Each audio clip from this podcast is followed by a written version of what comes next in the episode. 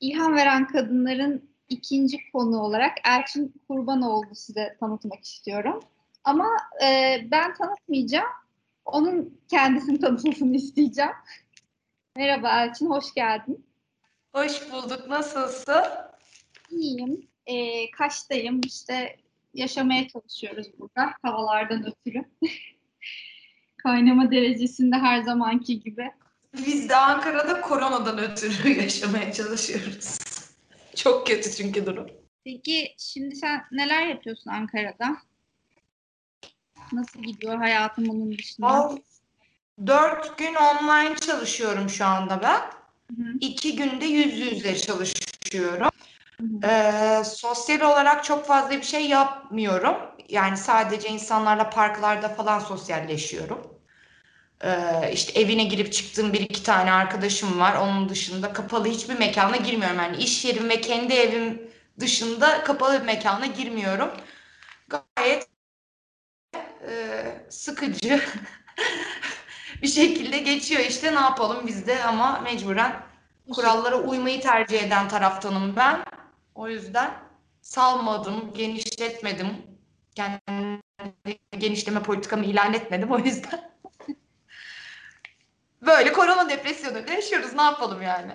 Peki e, ben aslında bu programı e, yapmaya başlamadan önce blogda yazıyordum işte ilham veren kadınları. Daha sonra bu korona ile birlikte podcast çok fazla dinlemeye başladım ve neden işte podcast yapmayayım diye düşündüm. Kaş'ta Nila ile tanışmıştım. Senin de yakın arkadaşın. O senden bahsetti bana. E, seninle ilgili ilk bilgim akademiyi bırakıp Güzel Sanatlar Fakültesini kazanman olduğuydu. Tabii bana Bayağı- Arada 3-4 sene atmış Nilay. Evet, evet ilk onu duydum. Ya işte arkadaşım bunu yaptı, şöyle oldu falan filan deyince ben de seninle konuşmak istedim. Ee, bu süreçten önce ne, ne yapıyordun? Öncelikle onu sormak istiyorum. Yani üniversiteyi ne okudun? İlk başta nasıl bir iş hayatın vardı? O zamanki Elçin kimdi? Ee, aslında ben ODTÜ İktisat mezunuyum. Ondan sonra gerçekten dediği gibi e, akademisyen olmak istiyordum. İşte yüksek lisans yaptım siyaset biliminde. Sonra doktoraya falan başladım. Ama doktora yaparken e, üniversitemle Bilkent'e geçmiştim doktorada. E, üniversitemle aramız e, birazcık bozuldu çeşitli nedenlerle. Davalık falan olduk. E, öyle olunca orayı bıraktım ve e, devam edemedim yani devam edecek motivasyonu kendimde bulamadım çünkü işte benim daha idealist nedenler vardı akademisyen olmak için işte özgür bilim üreteceğiz, özgürlükçü insanlar yetiştireceğiz falan gibi böyle 80 öncesi fikirlerim vardı akademiyle ilgili. Sonra orada öyle bir yapı olmadığını görünce e, bir motivasyonum kalmadı. Dedim yani madem şirket gibi çalışıyorsam ben de bir özel şir- şirkete girer çalışırım falan diye düşünerek ondan sonra özel sektöre geçtim. İşte 3 sene falan çalıştım herhalde özel sektörde. Ee, en son işte gü- güzel pardon bir şey dedin galiba geç geldi sesin. Özel sektörde ne yapıyordun? Özel sektörde ilk girdiğimde yönetici asistanlığı yapıyordum. Ondan sonra şirkette e, mezun olduğum için muhasebeye geçirdiler beni. E, muhasebe elemanlığı yapıyordum. Yani iş öğreniyordum daha henüz bıraktığımda. İşte ne kadar çalıştım muhasebede herhalde bir 7-8 ay çalışmışımdır. Tabii ha bu sırada hobi olarak ben piyanoya başlamıştım kendim. Piyano öğreniyordum böyle e, şey, kursta, özel sanat kursları var ya öyle bir yerde öğreniyordum. Sonra e, hiç sevmiyordum ama hani beyaz yakalılığı da pek sevmiyordum. Onun getirdiği e, yaşam biçimini de pek sevmiyordum. İşin içeriğini de hiç sevmiyordum. Yani öyle işte sabahtan akşama kadar Excel'in başında ya da SAP'nin başında fatura kes, telefon, fax falan. Yani o e, hiç kendimi iyi hissetmiyordum. Gerçekten çok yaşlandığımı falan düşünüyordum. E, piyanoyu da çok seviyordum. O zamanki öğretmenim, piyano öğretmenim işte. Bu arada tabii ben iş değiştirdim. İzmir'e gittim. İzmir'deki piyano öğretmenim işte şey diyordu bana, ya Güzel Sanatlar Fakültesine hazırlanan öğrencilerim benim senin kadar disiplinli. Hani sen hiç böyle hobi olarak yapan bir insan gibi yaklaşmıyorsun konuya. Ee, muhasebeci tipi de hiç yok sende. Hiç öyle bir enerji yok falan. Tabii zamanla arkadaş olduk. Oldu bu iş. Nasıl muhasebeci oldun diye. Ya evet Erşin alakan yok senin muhasebecilikle falan diyordu. Gerçekten de yok ben de mutsuzum falan. Ee, ben de ona tam tersi ya ne kadar güzel işiniz var işte severek geliyorsunuz ben sizi hep mutlu görüyorum hafta sonu çalışıyor olmanıza rağmen ne kadar işte e, her zaman enerjiksiniz falan. Ben de onlara hep imreniyordum. Neyse bu sırada artık bu e, kadın mezun oldu. Zeynep ismi. Dedi ki ya Erçin'e de e, sen dedi aslında şu anda mesela benim kurumumda ders verebilecek bir insansın ama okullu olmasın. Hadi sen dedi işi bırak. Biz seni güzel sanat Ondan sonra bu sırada kendi kurumunu açtı mezun olduktan sonra. Gel dedi ben sana iş vereceğim. Aslında gerçekten Zeynep olmasa ben belki de cesaret edemezdim yani. Acayip bir vefa borcum var o yüzden kendisine. Evet oldu yani. Cesaret vardı bu konuda. Yani çünkü iş bulamayacak yani sonradan sektörü öğrendim iş bulurmuşum öğrenciyken her türlü ama böyle bir ilk cesaret e, vermeseydi büyük ihtimalle kaç senedir çalışan bir insan olduğum için böyle bir şeyin altına giremezdim herhalde bilemiyorum. Yani kesinlikle birinin cesareti vermesi insana iyi geliyor çünkü ailemizden ve işte genel olarak çevremizden gördüğümüz e, başka bir mesleğe geçince sanki işsiz kalacaksın. İşte başka bir mesleği yapamazsın ya da işte e, piyano çalmak hobidir, işte yemek yapmak hobidir olarak yaklaştıkları için cesaret edemiyorsun bir türlü. Tabii canım abim falan çok negatif yaklaştı. Ee, öyle öyle şey mi olur yani bu ne saçmalık falan gibi yaklaştı. Arkadaşlarım o kadar fazla negatif yaklaşmadılar çünkü ne kadar mutsuz olduğumu biliyorlardı. Abim daha kariyerist bir şekilde baktı tabii aile faktörü. İşte e, aile birazcık daha hani aman bu çocuk ne yapacak falan diye nasıl para kazanacak, geleceği nasıl olacak, emekli olabilecek mi gibi şeyleri düşünüyor ya aile olunca. Ama arkadaşlarım daha tabii benim bayağı mutsuz olduğumu görüyorlardı. O yüzden çok olumlu yaklaştılar. Ee, ama genel olarak çevre hani en yakın uzaktan arkadaşlarım falan gerçekten delilik olarak bakıyorlardı yani tabiri caizse. Hakikaten ha, psikolojik olarak bu şekilde yüzüme söylemiyorlardı belki ama e, normal olmadığını düşünüyorlardı tırnak içerisinde. Ama sonra hiç işsiz kalmadım. Yani o kaygılar çok boşa çıktı. Ya sanki e, ben mesela ben de mesleğimi değiştirdim. Geçen de seninle sohbet ederken o cümlen çok hoşuma gitmişti. Daha önceki işimde daha çok işsiz kaldım, daha çok iş aradım. Ama işimi değiştirdikten sonra çok çabuk iş buldum. Bu benim de başıma geldi mesela. Yani çünkü içinden gelerek iş başvurularına gitmiyorsun. içinden gelerek konuşmuyorsun iş görüşmelerinde. Yani hiçbir şey yani evet, kalbinden yani zorlayarak yapıyorsun. Evet büyük bir ihtimalle onunla da çok ilgisi vardır. Hakikaten ben işte e, doktorayı bırakacağım, iş arayacağım diye karar aldıktan sonra hakikaten aylarca işsiz bir şekilde aradım ki baksan daha iyi bir üniversite falan. Sonra ben 9 Eylül Güzel Sanatlara girdim. Hani ODTÜ 9 Eylül'den çok daha iyi bir üniversite falan dersin. İşte çok e, yüksek bir dereceyle mezun olmuşsun. İşsizlik psikolojisini yaşadım. İşsizlik baskısını e, çevremden çok yaşadım. Hala mı iş bulamadın? İş görüşmesi var mı? Başvuruyor musun falan. Bu bu tip şey yaşadım. yaşadım. Ondan sonra gerçekten fakülteyi kazandım. 9 Eylül kazandıktan sonra daha birinci sınıfın ilk döneminde Zeynep'in yanında çalışmaya başladım. Üç buçuk sene orada çalıştım. Yani 9 Eylül Güzel Sanatlar'dan mezun oldum ay. Burada iş buldum. Ondan sonra orada çalışmaya başladım. Sonra orada yani e, çalışma şartları benim hayal ettiğim gibi değildi. Yani kurumu kötülemek adına bir şey söylemek istemiyorum da hani hakikaten karşılıklı beklentilerimiz uymadığı için oradan ayrıldım. Ayrıldığım ay iki hafta sonra mı ne şu an çalıştığım yerde iş buldum. Yani hiç işsiz kalmadım. Gerçekten sektörel bir şey. Onu kabul etmek lazım ama bir yandan hakikaten ben yani iş görüşmelerine isteksiz gidiyordum. İstemiyorum ki sabahtan akşam 6'ya kadar bir masanın başında oturmayı yani enerji müsaade etmiyor zaten. Hani sen biri birkaç saat e, biz seninle konuştuk. Enerjimden anlamışsındır.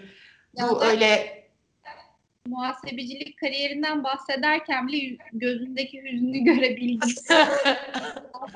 Şu anki işinden mesela çalışıyorum. Ne, ne yapar Erçin? Ne yapıyorsun? Dedi. Ya çalışıyorum işte dediğin zaman ki o enerji aynı değil. Bambaşka. Ya şu anda çok saçma bir şey var. Yani gerçekten bunu söyleyeceğim. Dinleyen insanlardan bazıları benden nefret edecekler. Özellikle işlerini sevmiyorlarsa da. Özellikle bu korona sürecinde benim gerçekten hayatta şu anda en fazla mutluğum olduğum yer şey e, ders sırasında sınıf, işim yani.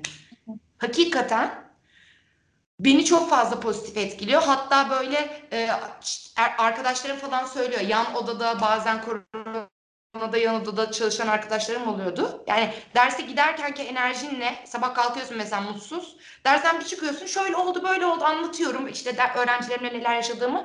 Dersten çıktığımdaki enerjinin alakası yok. Aynı insan değil diyorlar yani. Şu anda çok mutluyum ama o zaman gerçekten saçlarım falan beyazladı yani. çök omuzların çök. evet. Kötü, kötüydü. Gerçekten fırsatı olan sevdiği mesleği yapsın. Kesinlikle. Ben de aynı şeyi hep şikayetçi olan arkadaşlarıma da söylüyorum. Yani şöyle tepkiler alıyorsundur belki sen de. Ne güzel işte sevdiğin işi yapıyorsun. Ne güzel, güzel bir hayat yaşıyorsun. Ay çok şanslısın. Aslında bu şans meselesi değil. Aslında bu ne kadar cesaret ettiğin ve elindekileri bırakabilmeyle alakalı. Yani şikayet ederek sadece saçlarını beyazlatıyorsun. Hepsi bu. Evet. Tabii yani evet muhakkak şans faktörü vardır. Yani e, atıyorum ben orta sınıf bir ailenin çocuğu olmasaydım zaten böyle bir kültürüm dahi olmazdı. Hadi piyano kursuna gideyim falan gibi. Tabii ki ama sonuç olarak e, gerçekten insanlar konforundan ödün vermemek için bazen e, sistemik bazı şeylere boyun eğiyorlar. Yani tam olarak katlanıyorlar. E, hakikaten e, bazı o işte senelerce çalışma hayatının içinde olan insanların girdaplar var yani çocuk yapıyorlar mesela araba alıyorlar onun kaskosunu ödüyorlar benzin e, ödüyorlar ondan sonra mortgage ödüyorlar akşam yemeklerine çıkıyorlar böyle meyhaneye gidiyorlar yüzlerce lira harcıyorlar bir akşamda falan ama çünkü o gün o gün için yaşıyor. Yani hakikaten geçen gün bir arkadaşımla konuşuyordum dış çalışıyor. Cumartesini bekliyorum dedi. Ya düşünebiliyor musun? Her yani 15 senedir cumartesini bekliyorsun ya. 15 senedir. E, cumartesi günü tabii ki o zaman en güzel restoranda, en güzel mezelerle, en güzel yerlerde, istediğin araçla giderek, istediğin tatil mekanına falan böyle yaşamayı tercih ediyorsun. Ama ben cumartesini beklemediğim için öyle lüks e, lükslerle mutlu olmuyorum yani. Başka mutluluklarım var hayatta. Bütün hayatın cumartesi olmuş oluyor istediğin hayatı tercih ettiğin zaman. Daha evet, yani olduğun bir hayat yaşıyorsun. Yani sadece cumartesi günlerinden tatmin olarak yaşamıyorsun bir şeylerden feragat göstererek. Ne bileyim yılın işte 100 günü, 200 günü e, acı çekerek çalışarak işte psikolojim bozuk bir şekilde çalışıp ondan sonra cumartesi günleri rahatlamak yani ne sana ne de bana ya da bu hayatı tercih edene uygun değil. Evet yani o yüzden insanlar sadece şans, çok şanslısın falan değil yani cesaret edin. Ben de diyorum şimdi tabii çok geç. Şimdi ben 34 yaşındayım. Bunu yapmaya karar verdiğimde 27 ya da 28 28'dim sanırım. Evet. Galiba 28 yaşındaydım. Zaten kendim bu kararı alırken de hatta sana da söylemiştim hatırlıyor musun? Ya hala 20'li yaşlardayken ben işlik yaparsam yaptım. Yoksa e, 60 küsur yaşında emekliliğe kadar bu şekilde ben kesinlikle yaşayamayacağım belli. 3 senede anlıyorsun bunu. 3 sene yeterli yani. Ama gerçekten 35 yaşında buna karar vermek tabii ki zor. Ama birazcık daha genç insanlar için, çalışma hayatına yeni atılanlar için böyle bir şeye cesaret edip değişiklik yapmaları mümkün. Bir de şöyle bir şey var. Ha, sana sana da böyle bir tepki geldi mi? Ama işte senin kolunda altın bilezik vardı o yüzden böyle bir şey yapabildin. Ne altın bilezik var? Ben çalışma hayatımda öğrendim piyanoyu. 5 yaşında kursa göndermedi ki kimse alın terimle piyano öğrendim. Alın terimle güzel sanatları kazandım. Kimse bana demedi ki yani al sana piyano çalacaksın bunu. İşte evet. Biz, biz soktuk Sen seni. de yemek yapmayı yetişkin hayatında öğrendin değil mi? Yemek kursuna falan gitmişsindir ya da bir seminere mi? Nasıl oldu? Yani şöyle ben de işte e, hep yemek yapmayı seviyordum ama profesyonel olarak yapmak için Mutfak Sanatları Akademisi'ne gittim işte iki yıl önce. E, Yani ben, yani bir şekilde e, zamanından, emeğinden feragat edip ona yöneliyorsun. Hani kimse senin önüne e, bir şey koymuyor ya da ne bileyim bıçak becerisi al sana yüklendi demiyor yani. Uğraşıyorsun, diziniyorsun sonuçta bunun için. Niye bazı şeyleri göze alıyorsun. 10 saat, 12 saat neyse ayakta çalışmayı göze alıyorsun. Evet Yani. ya. Korkunçtu. Altın bileziği kendi kendimiz aldık yani. Hiç öyle altın bilezik doğuştan falan öyle bir şey yok. Evet. Kendin uğraşıyorsun, yapıyorsun. Ama gerçekten ha onu da söylemek lazım. Şimdi bu kadar mutluyum vesaire işimle ilgili çok fazla negatif bir şey söyleyemem. Ama mesela 3. sınıftaydık galiba biz. Üniversite 3. sınıfta yani güzel sanatların 3. sınıfında okula gidiyorduk. Ben zaten çalışıyordum bir yandan. Artı e, güzel sanatlardan çıkınca öğretmen olamıyorsun. Pedagojik formasyon alman gerekiyor eğitim fakültesinden. Akşamları da eğitim fakültesine pedagojik formasyona gidiyorduk ve eğitim fakültesiyle benim evim arası mesafe böyle bir buçuk saat falan. Yani günde 3-4 saatim yolda geçiyordu. Hem okuyordum, hem akşam okuluna gidiyordum, hem de çalışıyordum. Hiçbir hayatım yoktu mesela o bir sene. Hiçbir sosyal hayatım yoktu. Belki iki ayda bir falan sosyalleşiyordum. Hani bunu da gerçekten böyle bir yanı da var. Yani eğer böyle radikal bir değişiklik istiyorsan bunu da kabul etmek lazım. Aşırı uğraşmayacaksan, e, tırmalamayacaksan bir şeyleri olamayabilir. Bu noktaya değindiğim bence çok iyi oldu. Ee, insanlar çok kolay zannediyor işte tamam işi bıraktım hadi başka bir işe girdim. Çünkü şey gibi oluyor başka bir işe başladığın zaman. Üniversiteden mezun olmuşsun mesela 23-24 yaşında. Staj dönemin olmuş, bir çalışma hayatın olmuş. Belli bir yükselme aşamasındayken sıfır noktasına geri dönüyorsun ve tekrar staja, tekrar işte o uykusuz gecelere, dediğin gibi işte hiçbir sosyal hayatın olmadan çalışmaya ve belki bu sefer daha fazla emek göstererek çünkü e, onu istiyorsun, o hayatı istiyorsun. Baştan başlıyorsun. Bunu göze almak gerekiyor. Tabii canım yani sosyal olarak da zor. Bir kere ikinci bir üniversite okuyacaksan kendinden en az 8-10 yaş küçük insanlarla okuyorsun. Evet. Bu sosyal çevre açısından senin için kısıtlayıcı bir faktör oluyor. Ee, üniversitede ilk üniversitemizde ne kadar güzeldi ama arkadaş edindik ömürlük dostlar falan. Burada artık yani bana abla deseler ki bazıları diyordu abla diye abla deseler yeridir. Yani sosyal olarak tabii ki böyle bir kısıtlaman oluyor. İkincisi geç yani e, çok 10 sene 15 sene geç kalmışsın. Ben kendi akranlarımla zamanında güzel sanatlara girseydim büyük ihtimal birkaç enstrüman biliyor olacaktım. Mesleki olarak çok daha gelişmiş olacaktım. Yani belli, sen o kadar fazla sene kaçırmışsın ki tek enstrüman biliyorum mesela. İkinciye uğraştım. Hakikaten e, o dönem yoğun bahsettiğim yoğunluktan dolayı zaman ayıramadım. Kemana uğraştım ama e, zaman ayıramadım. Yani böyle mesleki handikapın oluyor. O yüzden her şey böyle çok da tabii toz pembe değil. Ama gündelik hayatındaki mutluluk evet. O biraz paha biçilmez.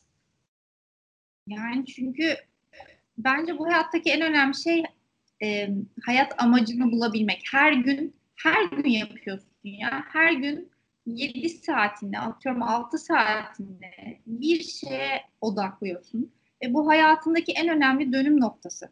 O yüzden yani dinleyen aileler de varsa e, çocukları evet işte doktor olsun, mühendis olsun benim oğlum, işte bir maaşı olsun sürekli, e, hayatı garantide olsun demeleri, tereddütte olmaları çok normal, kaygılanmaları çok normal. Ama bu bir kişinin bütün hayatını etkiliyor. Yani bir kişiye bu kadar kaygı yüklediğin zaman kendi kaygını o zaman o kendi hayatını yaşayamamış oluyor. Yani özellikle aileler noktasına çektiğin çok iyi oldu konuyu. Sonradan meslek değiştirmenin evet bahsettiğimiz gibi e, zor yanları var.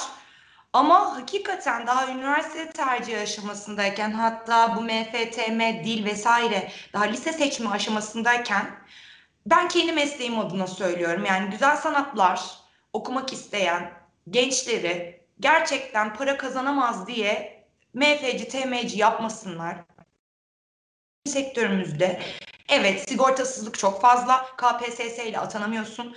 Ama benim gibi eğer özel kurslara ya da özel derslere, online eğitime vesaire yönlenirlerse bahsettiğim gibi hiç işsiz kalmazlar. Yani sigortasızlık bizim sektörde önemli bir e, problem. Ama çok çalışıp sigortanı kendini de dışarıdan yatırabilirsin. Ya da işvereninle ona göre de anlaşabilirsin vesaire. Bir sürü çözüm yolu vardır ama hakikaten resim olsun, e, müzik olsun, heykeli falan bilmiyorum. O dallarda konuşmayayım. Heykel, sinema, geleneksel sanatlar vesaire o anlamda konuşamam ama e, resim ve müzik alanında güzel sanatlar okuyan insanlar iş buluyorlar. Artık sanat merkezleri çok yaygınlaştı. Milli Eğitim Bakanlığı da zaten bunu destekliyor. O yüzden kesinlikle iş buluyorlar. Çünkü yani geliyor ve bir de artık sen şimdi öğretmen olunca belli bir eğitimci perspektifiyle de bakıyorsun. Geliyor işte ergen bir çocuk tanışıyorsun senelerdir. Şimdi ismini vermeyeyim şimdi ana sınıfı dinliyorsa. Şimdi kız nasıl biliyor musun? 4-5 tane çalgı çalabiliyor. Aşırı derecede dile yeteneği var. Hayatında sadece bir kere ders iptal etti. Hocam kitap fuarı vardı arkadaşlarımla okul çıkışı gidebilir miyim? Bugünlük derse gelmesem değil git dedim Allah aşkına kitap fuarına. E, Okumayı diye cebine para veresi geliyor. Nasıl evet. şey?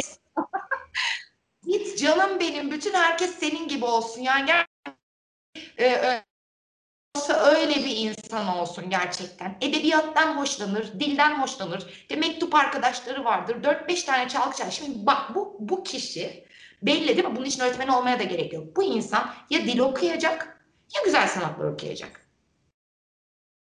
E, IQ'su yetiyor, çalışma becerileri yetiyor diye bunu TMC ya da MFC yapmanın hiçbir mantığı yok. Ama MFC yaptılar kızı. Bu sene sınava girdi. Acı verici. Evet. Bu sene sınava girdi. Telefonuma dönmedi bilmiyorum. Ee, tekrar aramaya korkuyorum çünkü hani kötü geçmiştir bir şeydir falan onun moralini bozmak istemiyorum. Hazır olunca beni arar diye karışmıyorum ama yani ne yapıyorsun ya? Bu çocuk daha 17-18 yaşında dört tane çalgı çalıyor, iki tane dil biliyor. Yani gerçekten kayıp. Şimdi işte şöyle oluyor. Yani uzaktan da olsa geleceğini görebiliyoruz kızın. İşte atıyorum mühendislik kazanıyor ve birinci sınıfta bunalıma giriyor Ondan sonra evet. bizim gibi belli bir yaşa geldikten sonra artık dayanamayıp artık mesleğini mi değiştiriyor? Nasıl kendini ifade edecekse. Yani en azından böyle bir çocukları varsa lisede lütfen hani o kadar da zorlamasınlar. Biz MFC oldukta ne oldu? Bak ben şu anda ya ben lisede MF okudum. İşte ODTÜ kazandım falan. Alakam yok. Hiçbir işime yaramadı. Kayıp yıllar. Yani evet tabii ki hayat perspektifi olarak pozitif bilimler öğrenmenin, e, matematiğinin iyi olmasının falan tabii ki anlamı var ama yani mesleki hayatımda hiçbir işe yaramıyor şu anda. o para kazandırmadı bana. Yani öyle olmuyor hayat e, kendi seçeceği meslekle ilgili bu yetenekleriyle ilgili e, yönlendirseler çocukları, aileler o zaman daha mutlu olacaklar. Yani bir yerden sonra çünkü kendini hırpalamaya başlayacak. Bu sefer aileler de mutsuz olacak. Evet, o yüzden bence özellikle üniversite seçiminde birazcık daha ya zaten sanki iktisat mezunu olacağız da ya da işte iktisat mezunu oldun hop seni bankacı yapıyorlar ya da işte mühendislik mezunu oldun tamam tay desin o zaman. Böyle bir dünya zaten yok ki o alanlarda da deli gibi işsizlik var. Bankaların tayinin anahtarını veriyorlar. Evet zaten yüzde yirmi belki daha fazladır yüzde otuz belki işsizlik vardır en son açıklanan rakamları bilmiyorum da en son on küsürdü. Demek ki gerçekleşen otuz falan. Hele şimdi korona falan var. Yani belki yüzde kırk işsizlik var. Kayıtsız istihdamı falan da bunun içine dahil edersen Türkiye'de zaten iş piyasası tüm sektörler için çok kötü. O yüzden korkmasınlar bence. Hakikaten zaten işsiz kalacak. Bari mutlu bir işsiz olsun. işte işsiz kalsın. Bir şekilde bulur sonra yolunu. evet, evet. Buradan çok güzel bir toplu kamu, kamu spotu. spotu yaptık ailelere. Buradan sesimizi diyoruz. Peki şeyi de merak ediyorum. Şimdi dedin ya e, daha saçlarım beyazlamaya başlamıştı, işte omzum çökmüştü. Bu enerjin yansıtıyor nasıl bir e, duygusal şeyde olduğunu, e, durumda olduğunu. Ailen, arkadaşların mesela bu meslek değişiminden sonra ailen, arkadaşların e, yeni Elçin'le ilgili yeni mesleğini yapmaya başlamış Elçin'le ilgili neler söylediler ya da işte şöyle şöyle yapıyordum ama böyle bir hayata başladıktan sonra tercihlerin de değişti dediğin şeyler var mı? Evet evet bunu da konuşmuştuk seninle.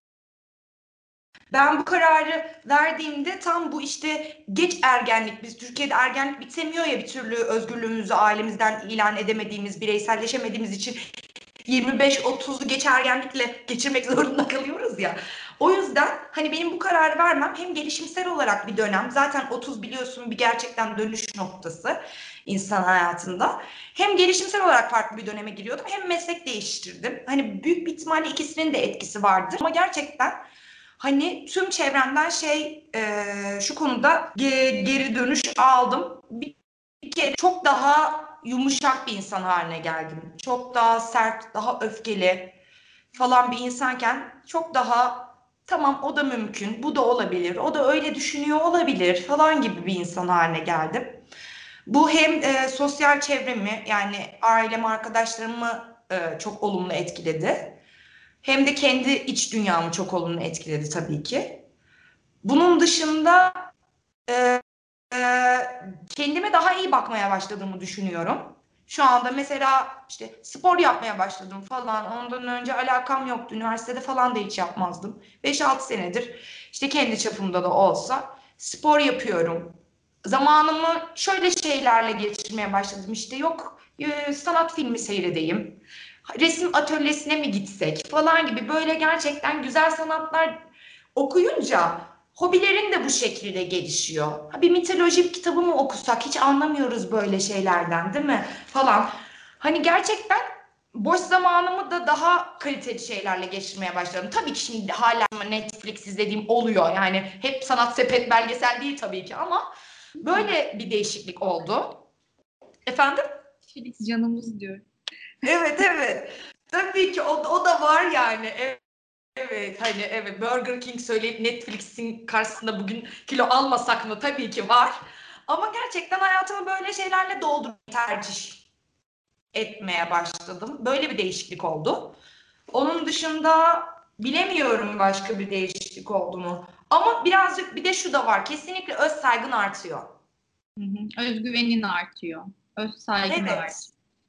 Yani bence benim iş yerindeki her zaman patronlarımla aram çok olduğum o da olduğum Bilkent vakası hariç. Ondan sonra da tüm amirlerimle aram zaten çok güzeldi. Hala hepsiyle görüşüyorum. İş arkadaşlarımla aram iyiydi. Hiçbir sıkıntım yoktu vesaire. İşte her ay aynı raporda hata yapıyordum. Her ay.